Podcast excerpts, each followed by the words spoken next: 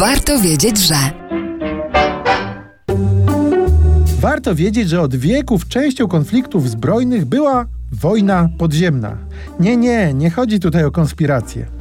Każdy, kto czytał chociażby Sienkiewicza, pamięta obrazy licznych podkopów, które napastnicy pod ziemią, pod nadzorem fachowców, czyli inżynierów i minerów, drążyli, aby dojść pod ziemią aż pod mury bronionej twierdzy.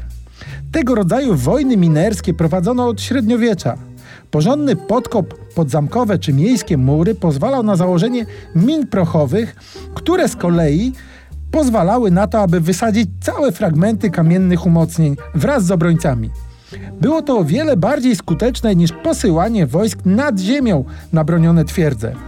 Od wieku XVI inżynieria wojskowa tak się rozwinęła, że budowano całe systemy podziemnych korytarzy prowadzących aż pod mury obrońców. Pozostawało podpalenie lądu i czekanie na eksplozję. Ta miała umożliwić skuteczny atak na zrujnowane umocnienia. Ale i obrońcy nie pozostawali bierni.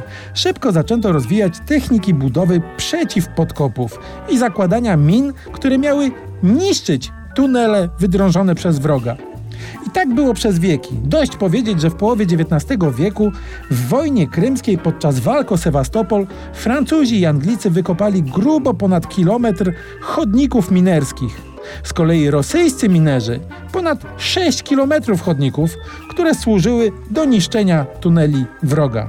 Od prawdziwa wojna podziemna.